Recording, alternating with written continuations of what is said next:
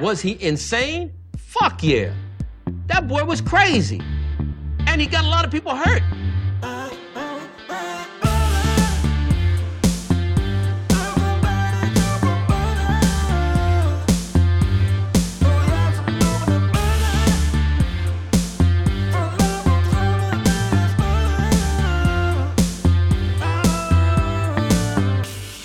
Like butter? I fucking love butter.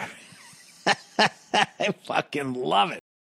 Welkom dames en heren, welkom bij de Butter Show. Back bij Absolutely No Demand at All. Butter gaat de krant lezen, zodat jij dat niet hoeft te doen. En jij je tijd wel beter kan besteden.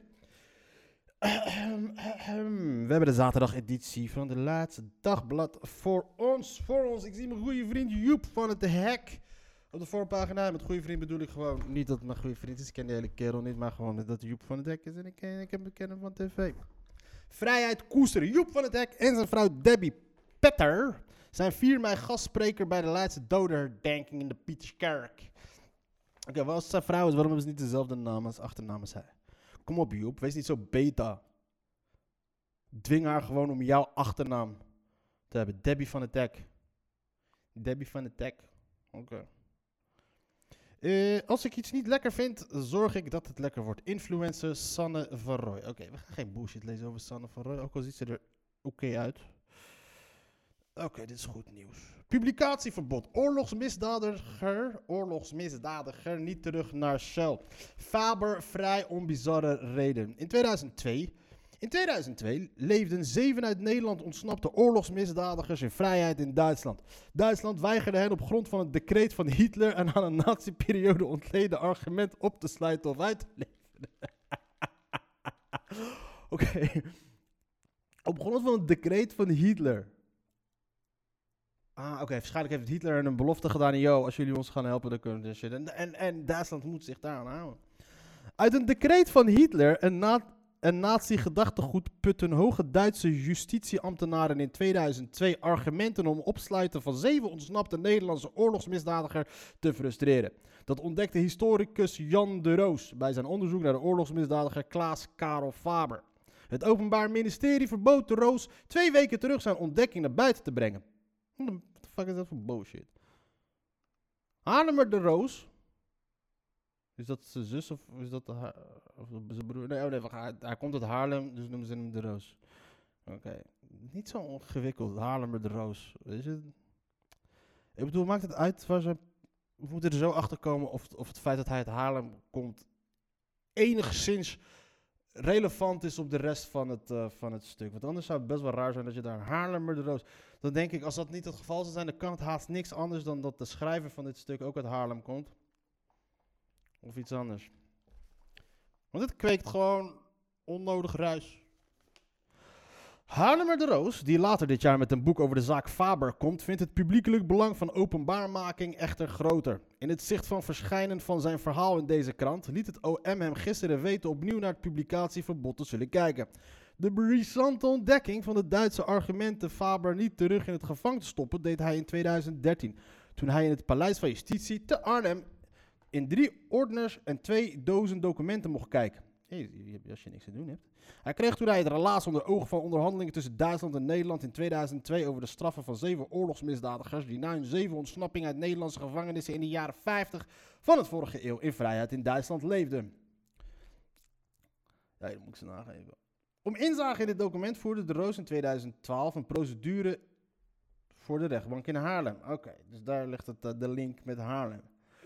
Het hem verstrekte hem met een aantal... Hé, hey, waar is dat stuk over Hitler? Ik wil dat stuk lezen over Hitler. Kan mij wat schelen over die hele eh decreet. We gaan zoeken naar het decreet van Hitler. Oké, hier is het.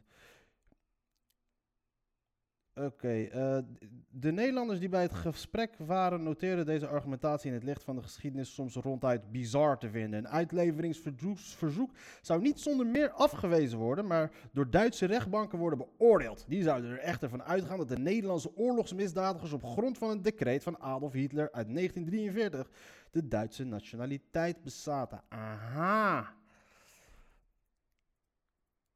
Oké, ze zijn Duits. Oké, ik dacht, weet ik veel. Ik dacht Hitler heeft iets gezegd van jou. eh, je krijgt een preemptive pardon voor alles wat je doet. Oké. Oké, dan gaan we weer verder. Eh, Rusland, de bladzijde om onderzoek extremisme in de krijgsmacht. Oké, c'est la. Rechtsextremistische jongeren vinden het aantrekkelijk om bij de krijgsmacht te gaan werken. De Militaire Inlichting en Veiligheidsdienst heeft daarom een onderzoek naar deze groep geïntensiveerd. Tuurlijk vinden ze dat leuk. Motherfuckers krijgen wapens en ze krijgen een vlaggetje op hun arm. En ze kunnen gewoon lekker gaan paraderen en zich voorbereiden op de eventuele clash die nooit gaat komen met ons. Als het met ons, ik niet. I ain't gonna fight those motherfuckers, die fucking Nederlanders met z'n 2 meter 20 tegen die tijd. Ik ga niet met ze vechten. Dat staat in het vrijdag gepubliceerde jaarverslag over 2020, tuurlijk. Een woordvoerder van Defensie wilde verder niets zeggen over de extra inzet van de MIVD. Twee jaar geleden meldde de dienst dat er geen aanwijzingen waren dat de rechtsextremistische netwerken binnen het militaire apparaat actief waren. Oh ja, vorig jaar werd de elite-eenheid van de Duitse strijdkrachten nog een, een rechtsextremistisch netwerk ontdekt. De Duitse regering besloot daarop de elite-eenheid Commando Spezialkräfte ingrijpend te reorganiseren. Daarnaast meldt de MIVD dat de bedrijven en niet-militaire organisaties steeds vaker doen. hey, dit gaat een issue worden. Dit gaat een hele zware issue worden. Het is niet dat er. De, eh, het rechtsextremisme gaat zeer zeker toenemen. Vooral waarschijnlijk vanwege. eh, corona heeft, een beetje, heeft, heeft balletje een beetje doen gaan rollen. De wantrouwen richting de politiek is naar op een kookpunt op dit moment. En er gaat een punt komen dat de vlam in de pan gaat schieten. En daarmee bedoel ik niet dat, het, dat we ineens de pleuris uitbreken, dat groepen allemaal tegenover elkaar gaan staan. Eh, iets wat ik niet hoop, iets wat ik wel graag zou willen zien in bijvoorbeeld Amerika of dat soort dingen. Alleen voor de entertainment value, niet vanwege de mensenlevens of dat soort dingen, maar gewoon voor de entertainment value. We hebben lang, we hebben, weet je, we hebben sportzomer hebben we moeten overslaan. Daarom was ik zo blij met die George Floyd rellen, man. Oh, dat was goede televisie. Maar ik denk dat er op een gegeven moment... ehm, deze hele coronapandemie die heeft wel een beetje voor gezorgd dat eh, mensen meer wantrouwen zijn gaan krijgen richting, richting de overheid. En deels niet onterecht. Maar het kan. En de economische situatie van Europa begint ook een beetje bij beetje te veranderen. Amerika begint, is op zijn downfall. China begint, is, is al jaren, decennia lang bezig met een opmars. En de machtsverhoudingen op het wereldtoneel gaan veranderen. En zodra dat gebeurt, breekt de pleuris uit. Als de Amerikanen wegvallen, dan valt die balans weg in principe voor de westerse wereld. Als de Chinezen op gaan komen, India begint op te komen. en dat is wat je altijd krijgt. Zodra de, ma- zodra de eh, machtsposities veranderen, breekt de pleuris uit. We zagen het aan het begin van de 20e eeuw. De Engelsen en de Fransen. Weet je, de Duitsers, de, Duitsers begonnen, werden op een gegeven moment machtiger dan de Engelsen en het Franse, Frans, Britse en het Franse Rijk. En toen brak de pleuris uit. Twintig jaar later gebeurde het weer bijna, brak weer de pleuris uit. En toen kwamen de Amerikanen een beetje op het wereldtoneel. En toen, ehm, als je Amer- toen was de balans tussen de Amerikanen en de enerzijds en de Russen aan de andere kant. En dat viel weg. Toen de Russen weer wegvielen, brak ook de pleuris uit. Kijk maar naar wat er gebeurde in Europa alleen al. En, en de Joegoslavië-oorlog. Niet dat dat de reden is, maar de balans verbrak wel op een gegeven moment. Met de val van het communistische rijk viel ook een beetje het communistische gedachtegoed van Tito, wat het land een beetje bij elkaar hield, brak de pleuris daaruit. En toen brak de pleuris uit vanwege het wat de Amerikanen later allemaal hebben lopen flikken in het Midden-Oosten. 9-11, ISIS, Afghanistan, Irak. Hele mikmak.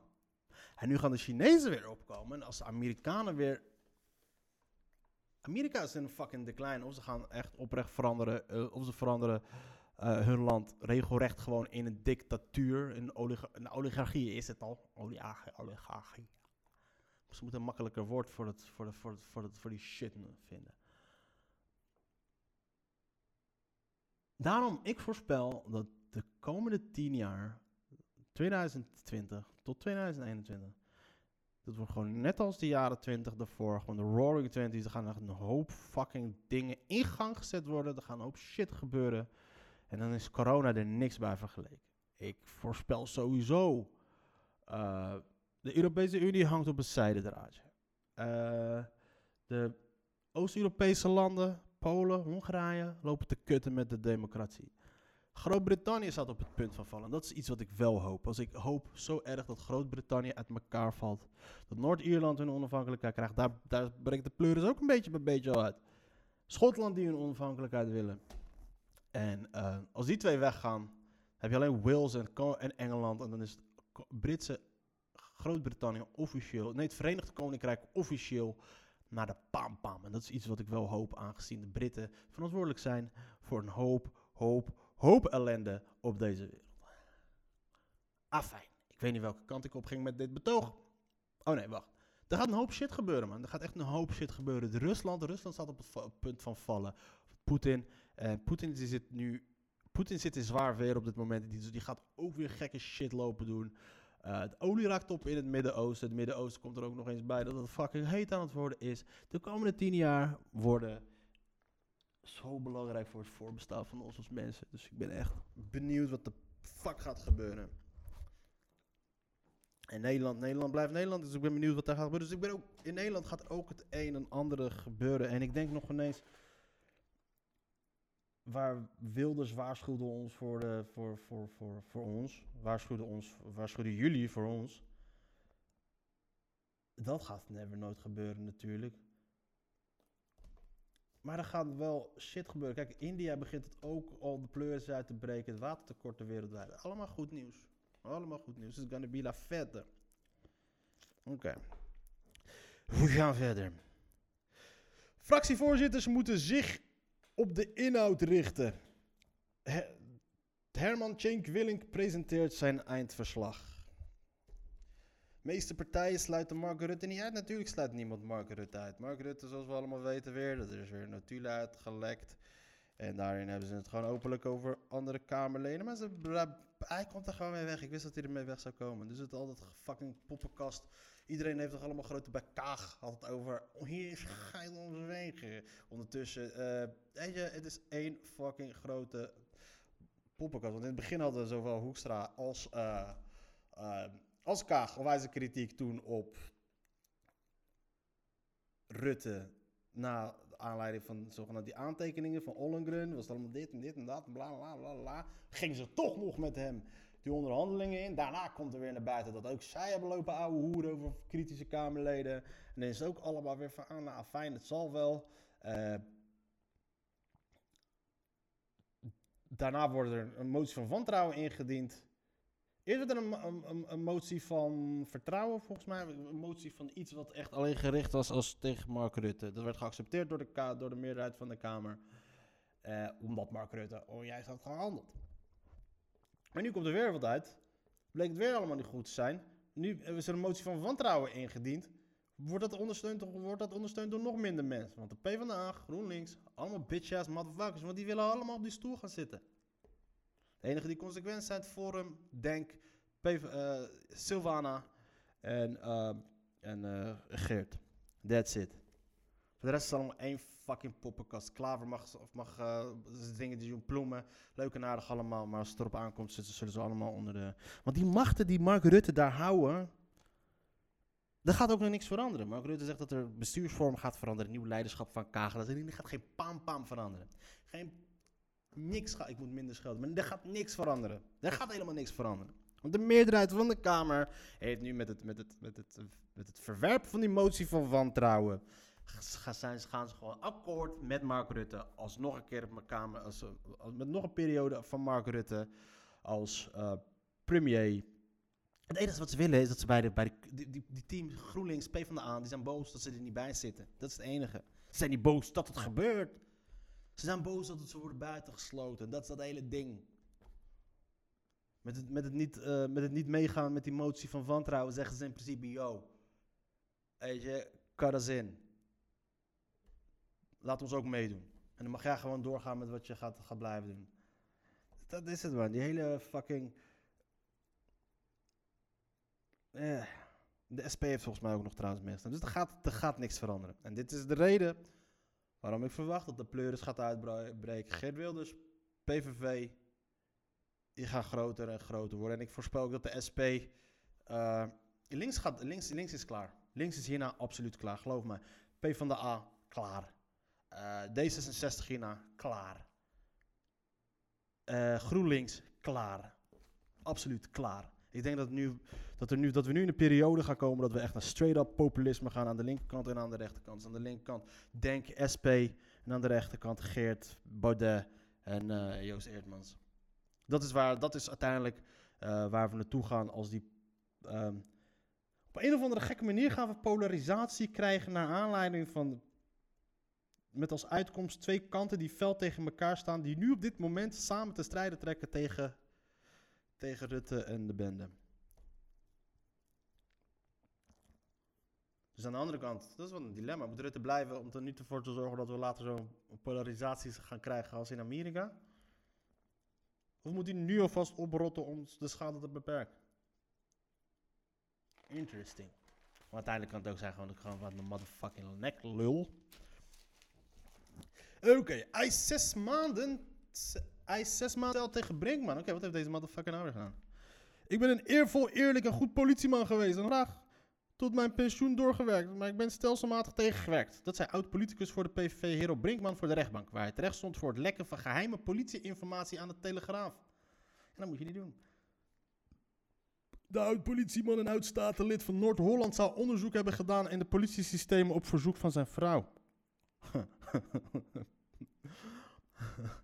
De officier van justitie eist zes maanden cel. Volgens het Openbaar Ministerie is er weier aan redenen waarom Brinkman het gedaan zou hebben. De verdachte is een boos en gefrustreerd man. Hij wilde onder meer de politie te grazen nemen om zijn eigen politieke toekomst veilig te stellen. Brinkman ontkent. Ik heb nog nooit politieinformatie aan anderen doorgegeven. Brinkman ging na zijn politieke carrière weer werken voor de politie. In 2018 is hij ontslagen. De aanleiding voor onderzoek naar Brinkman was een politiebijeenkomst waarbij gesproken werd over terrorisme en jihadisme op 6 september 2016. Een week later publiceerde de Telegraaf een artikel waarbij citaten uit die bijeenkomsten waren terug te vinden. Een van de agenten herkende de vragen van Hero Brinkman die hij had gesteld die middag. Er zouden nog vijf artikelen volgen in de Telegraaf. De politie deed onderzoek naar de herkomst, bla bla bla bla bla bla. You are in trouble, Hero Brinkman. Maar was het, wat, was het nieuwswaardig of zo wat daar werd gezegd? Dat, het, dat, je, dus, dat je het moest lekken? Nederlander vindt Tweede Wereldoorlog heel belangrijk. Oh ja, natuurlijk, want we hebben, eh, we komen nu 4 en 5 mei, onafhankelijkheidsdag, Salafette, vrijheid, bla bla bla bla bla bla bla De grote meerderheid van de Nederlanders beschouwt de Tweede Wereldoorlog als een belangrijk en leerzaam gebeurtenis. Dat meldt het Nationaal Comité 4 en 5 mei op basis van het Nationaal Vrijheidsonderzoek 2021. Ruim 8 op de 10 Nederlanders vindt dat we nog steeds kunnen leren van de gebeurtenissen die destijds plaatsvonden. Ook is men ervan overtuigd dat de oorlog van de invloed is op de Nederlandse identiteit. Ja, want toen jullie Nederlanders kwamen erachter dat het allemaal sneetjes zijn. Dit is de geboorte van de kliktelefoon, van de kliklijn. 65-plussers zijn het meest geïnteresseerd in de Tweede Wereldoorlog. Maar ook onder jongeren, 16 tot 24, is de interesse groot. 6 op de 10 jongeren zeggen zeer geïnteresseerd te zijn. Diezelfde jongeren zijn overigens minder geneigd om deze oorlog als hun eigen geschiedenis te beschouwen. Een van de drie ziet de Tweede Wereldoorlog als onderdeel van hun geschiedenis. Bij de overige leeftijdsgroepen is dat 42%. Huh. Het draagvlak voor 4 en 5 mei is vrijwel onaangetast. Zowel de dodenherdenking volgens het Nationaal Comité. Mijn mening over die hele fucking dodenherdenking. Ik vind het prima dat mensen daarmee bezig zijn. Sowieso interesse in de geschiedenis is sowieso altijd heel belangrijk. En als je dat moet gaan doen, you do you boo. Hey, maar sowieso, zodra de laatste persoon die de oorlog heeft, bewust heeft meegemaakt, is overleden, dan doe ik niet meer mee met de doden. Ik doe sowieso niet mee met de dodenherdenking trouwens. Ik bedoel, eh, fuck die shit.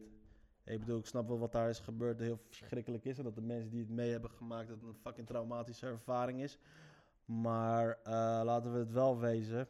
ehm, het was een oorlog tussen aan de ene kant Adolf Hitler, meest, een van de meest verschrikkelijke personen ter wereld, die oorlog voerde met eh, West-Europese landen, die ondertussen zelf allemaal al die andere landen van hun vrijheid hadden beroofd. Ik ga er niet op 5 mei stil zijn om de. Ik ga niet op 4 mei doden herdenken, omdat ik zoiets van, oh wat erg wat er met die Nederlanders is gebeurd. Tuurlijk is dat erg, maar was het niet erg wat er met al die, met die, met die Indonesiërs is gebeurd? Het meest hypocriete was ook nog eens, na de Tweede, na de, na de Tweede Wereldoorlog, toen de Indonesiërs hun vrijheid wilden, ging Nederland erheen om tegen hen te zeggen, nee, jij krijgt geen vrijheid. Fuck die shit. Nee man.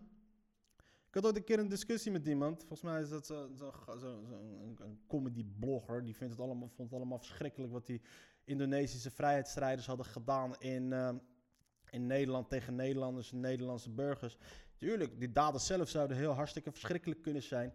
Maar laten we wel wezen, de Nederlanders hadden daar niks te zoeken. Ja, er werden burgers, gaan, eh, burgers afgeslacht. Dat er werden Nederlandse burgers afgeslacht. Ja, oké. Dan kan je wel hun de schuld geven. Maar het is de schuld van de Nederlandse staat dat ze hun daar hebben gebracht.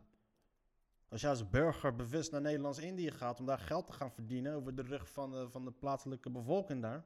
En je wordt daar vermoord, ja, dat is fucked up. En dat is dus een beetje dat hele besef ook van dat, dat, eh, dat een hoop Nederlanders hebben. Of een hoop Westelingen hebben, is dat ongeacht wat hun slachtoffers altijd de, erg, de ergste slachtoffers zijn die er is. In welke context dan ook. Nederlandse slachtoffers tijdens de Tweede Wereldoorlog zijn verschrikkelijk, uiteraard. Maar ook Nederlandse slachtoffers die zijn gevallen in Nederlands-Indië zijn ook allemaal, dat vinden we ook allemaal verschrikkelijk. Waarom? Omdat het Nederlanders zijn. Maar laten we even kijken, wat de fuck hadden ze daar te zoeken? Daarom, ik ben niet down met die tweede, met die... Adolf Hitler, die, die fuck, hij sloopte Groot-Brittannië en eh, hij sloopte Frankrijk. Had ze dusdanig verzwakt, waardoor de, waardoor de, de dekolonisatie van de helft van de wereld in gang werd gezet. Pff, I ain't mad at that. Ik ben daar blij mee. Moet ik boos zijn dat Adolf Hitler de Franse staat zodanig had, had, eh, had verzwakt. Dat uiteindelijk heeft geleid tot de, tot, tot, eh, tot de, vrij, tot, tot de onafhankelijkheid van het land waar mijn ouders en grootouders vandaan kwamen. Mijn grootouders en oude, grootouders die bewust te maken hebben gehad met die motherfucking Fransen. Pff, hell no. Dus ik herdenk het niet. Dus ik zou het ook nooit herdenken. En ik, ik heb ook niet zoiets dat ik denk van, oh wat verschrikkelijk was het maar nooit gebeurd. Want wat nou als de Tweede Wereldoorlog nooit was gebeurd? Zou de wereld er dan nog steeds exact hetzelfde hebben uitgezien als toen? Zou de wereld ook nog steeds, zouden grotere meerdelen van de wereld gekoloniseerd zijn door West-Europa? Hitler was een noodzakelijk kwaad. Er werd een keertje tijd dat West-Europa een lesje werd geleerd, man. En uh, het fucking nadeel daarvan is, is dat het ten koste ging van, van, van, van Joden. Die hadden niks met die shit te maken.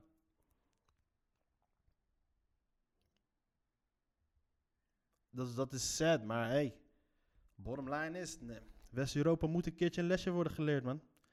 Voor de eeuwenlang koloniseren van Afrika, van grote delen van Azië. En dat lesje was Adolf Hitler. Dus uh, ik volg de uh, Tweede Wereldoorlog echt met interesse of zo. Maar het is niet dat ik echt zoiets heb van, oh wat verschrikkelijk. Allemaal. Natuurlijk is het verschrikkelijk. Maar het is niet dat ik er emotioneel bij iets, iets bij voel of zo. Dat laten we wel wezen, man. Ik bedoel, als jij... Jij altijd gewoon mensen... Be the bully, get bullied. Mensen zullen ooit een keertje tegen je losgaan. Maar fijn. Dus dat. Ik doe niet mee met 4 en 5 mei. Heel Nederland niet dit jaar, maar afijn. Ramp buiten oorlogstijd kost 45 mensen het leven. 100.000 gelovigen, dat is in Israël gebeurd. Volgens mij kwamen een hoop mensen werden bij elkaar verdrukt.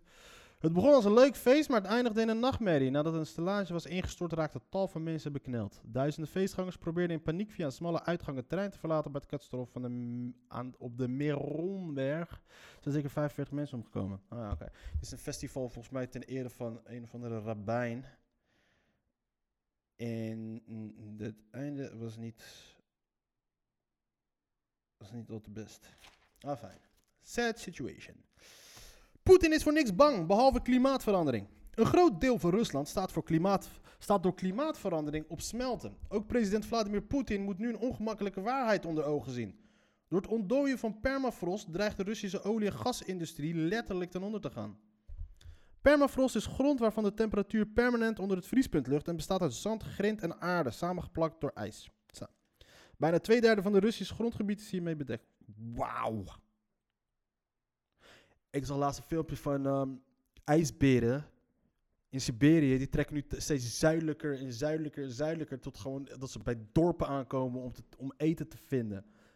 En geloof me, ijsberen zien er schattig uit, maar dat zijn geen schattige dieren. IJsberen zijn gigantisch. En ijsberen, die piep je moeder. Die maken je kapot. Dus dit is nog een extra dingetje trouwens van Poetin. Poetin heeft issues, man. Poetin heeft zware issues. In Rusland is de gemiddelde temperatuurstijging sinds de jaren 70 2,5 keer het wereldgemiddelde. De aftakeling van het milieu lijkt met dezelfde factor versneld. Getuigen de tropische temperaturen en droogte, waardoor de afgelopen zomer driemaal Nederland, Nederland aan Siberische bossen en rook geen kanonnen. Buiten Rusland wordt vooral de grote hoeveelheid methaan gevreesd die bij het smelten van de permafrost vrijkomt. Dat zou omke- onomkeerbare gevolgen kunnen hebben. Huh.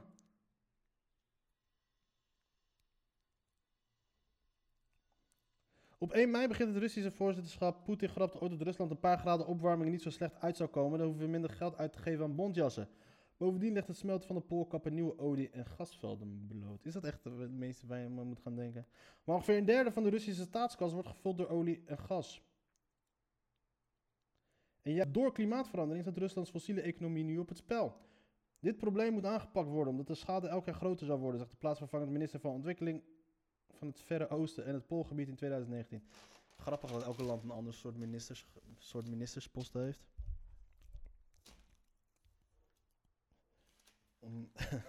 Minister van Rowena en Chaos als ik ooit president word. Minister van Trammeland. Eigen huis afbouwen is goed voor fikse besparingen. We komen nu in het saaie gedeelte van de krant. En kijk, een mensensmokkel blijft levenseisen. Leuk bedachte kop. De VVD'er Hans van Balen is overleden. Hans van Balen, die vrijdag na een kort ziektebed overleed, was zowel in zijn Haagse als Brusselse tijd opvallende verschijning. Ik vind dat van, hele, van, die, altijd van die hele enge berichten altijd, weet je. Eh, die is overleden na een ziektebed. Ik zag, eh Hafid Bouassa is laatst overleden. En bij hem was het, hij is overleden, hij had gezondheidsklachten. En dan lijkt het alsof het, nu Hans van Balen, een kort ziektebed overleden. Dan lijkt het alsof het echt helemaal uit het niets komt. Pats, boem, bam, bam, dood. En dat kan best. Sommige mensen die worden uit het niets ziek. Binnen twee dagen zijn ze dood. Maar ik wil weten, is er in het geval van Hans van Balen, is er na een kort ziektebed, is er, een, is er be- behalve een kort ziektebed ook nog eens een lang verslavingsgeschiedenis? Is er ook nog eens, heeft hij lang gezopen, heeft hij lang gedaan? Dus ik wil graag, graag weten, hij is overleden aan dit vanwege dat en dat en dat en dat. Want maak mensen niet zo bang. Nu heb ik ook zoiets van, yo, ik kan ook gewoon morgen een kort ziektebed hebben en dan ga ik dood. Wat ik niet uitslaat. Maar ja, anders, het is niet dat ze er plotseling bij zitten of zo. Maar ja, nou, hij toonde zich een vurig pleitbezorger van Israël. Nou, veel plezier bij Jehovah. Wij willen het liefst de zee op. Verdrinking 130 migranten, moment van schande. Pak eerst de criminele organisaties aan. Mensensmokkel. Aantal neemt na jarenlang afname nu weer sterk toe. Geloof me, de pleuris gaat uitbreken binnenkort. Aangezien het Midden-Oosten, er wordt gewoon onmogelijk om daar te gaan leven. Er gaan gewoon gebieden komen in het Midden-Oosten waar het gewoon 50, 55 graden gaat worden. Nou, veel succes. Dan komen we nu bij de regiokrant. Eh Iftar in de stadsgehoorzaal. Ik zong vroeger ook kerstliedjes op school. Ik ben benieuwd wie dit zegt. Dun, dun, dun, dun. Op de tafel staan schalen, watermeloen, baklava, dadels en andere etenswaren klaar. Het is in de stadsgehoorzaal al tijden niet zo druk geweest. Waar normaal stoelen voor publiek staan, zijn er nu drie lange tafels neergezet. Dat gebeurt meer om meer aandacht te krijgen voor de iftar. Het breken van de vaste dag tijdens de Ramadan. Organiseren Marokkaanse en Turkse ondernemingsverenigingen een livestream vanuit de stadsgehoorzaal. Eén keer per jaar is het Ramadan. Tijdens deze maand komen islamieten tot bezinging. Oh, je mag ook geen water, daar komt het uiteindelijk op neer. De grote zaal biedt plek aan 21 man. Oké, dat zijn niet veel mensen. Het is een organisatie van ondernemingsverenigingen. Ah, kijk, ze zijn allemaal veren in hun reet steken, al die ondernemers. Oh, kijk eens, we gaan samen eten. Kun je dat ook gewoon niet thuis doen? Meer aandacht vragen voor de Ramadan. Bro, er is al genoeg aandacht voor de Ramadan. Dat is nu eenmaal een mannenwereld. De grote zaal biedt ook plek aan 21 man. Er zitten alleen maar mannen. Het is een organisatie van ondernemingsverenigingen. Dat is nu eenmaal een mannenwereld, zegt Oetman Mgarbi. Oetman Mgarbi, dik shout-out naar Oetman. Goeie gozer. Een van de initiatiefnemers. Ja. Oetman is een, eh, is een, makelaar die ik ken. Goeie gozer. Toch gozer. Uh, Mgarbi noemt de Leidse iftar een uit de hand gelopen grap. We begonnen tien jaar geleden in een huiskamertje met een paar vrienden. Twee jaar geleden zaten we met 200 man aan een lange tafel op de Haarlemmerstraat. Dat was het piekmoment, zegt hij lachend. Passanten vonden het een interessante gewaarwording, vertelt Mgarbi. Ze, ze stelden vragen en we nodigden ze uit om mee te eten. Het was een gezellige avond waarop iedereen welkom was. Het is precies het idee van de Ramadan. De iftar op de Haarlemmerstraat trok niet alleen aandacht van de passanten, maar ook van de lokale media. Naar aanleiding daarvan kwam de Stadsgehoorzaal met het initiatief voor een samenwerking. De zaal werd beschikbaar gesteld. Vorig jaar ging het niet door in verband met corona. Maar dit jaar werd er binnen de maatregelen toch bijzondere avond. Ja, verbinding, leuk, leuk. M- het, me- je mag mij ook bellen als er gechapt wordt. Wie is dat? Dat is Moerad. Ik zit nu te kijken naar de foto. Dit is Moerad Heikeer, zie ik daar. Hey, daar hebben we Abdelhak Jarmomi. dat is vroeger een voetbaltrainer. En nu op dit moment raadslid in de gemeente. Fractievoorzitter van de PvdA hier in Leiden. Cool. Junkies ruïneren nieuwe studentenflats. Junks slapen er. Rioolwater stroomt erover. Een gloednieuwe keukenapparatuur wordt ontvreemd. Fuck yeah, bitch. Verzoeken, man. Ik zoek een nieuwe magnetron. In een aantal gloednieuwe studentencomplexen in de Lammerschans driehoek ontbreekt het aanbeheer en toezicht. En zelfs de wethouder krijgt de beheerder niet te pakken. Ik laat het uitzoeken, zegt Fleur Spaken. Dreigend. Ja, dreigend. Fleur Spijker. Dat klinkt dreigend. Spijker werd op de misstanden gewezen door VVD-raadslid Maarten de Krom. Hij schetst een gruwelijk beeld van fonkelnieuwe flats die luisteren naar de namen als Elector, Phaedra en Callisto. Hector, Phaedra, Callisto, dat lijkt wel dat, de draak van een of andere gekke beest. Wie belt mij? Wie belt mij op dit tijdstip? We zetten hem even op pauze. Afijn! Ik had het al gesprek van een uur, ik ben weer terug, maar dat maakt allemaal niet uit. Maar ik ben de draad kwijt. Ik weet niet meer waar we zaten. Volgens mij gaan we er gewoon een eind aan breien, toch? Eh, dit is allemaal regionaal nieuws. Dat vinden we allemaal geen pang-pang aan. Dan gaan we even koekeloeren. Leven in het teken van de coronavaccin. Hallo Hanneke. Hanneke Schuitenmaker. Jansen Stops onderzoeker. Hansen Schuitenmaker is een bescheiden persoon. Oké. Vakanties geld onzeker nu reserves bedrijven op zijn. Die zijn allemaal kierwiet, vriend. Als ik mijn vakantiegeld niet krijg, wordt er gereld. Oké, afijn. Ik breid er een eind aan. Half uur, half uur is prima. Ik eh, wens alles en iedereen een prima weekend. Va- van alles, mij, met Rob Ram. Nee, nee. Geniet ervan. Mazzel.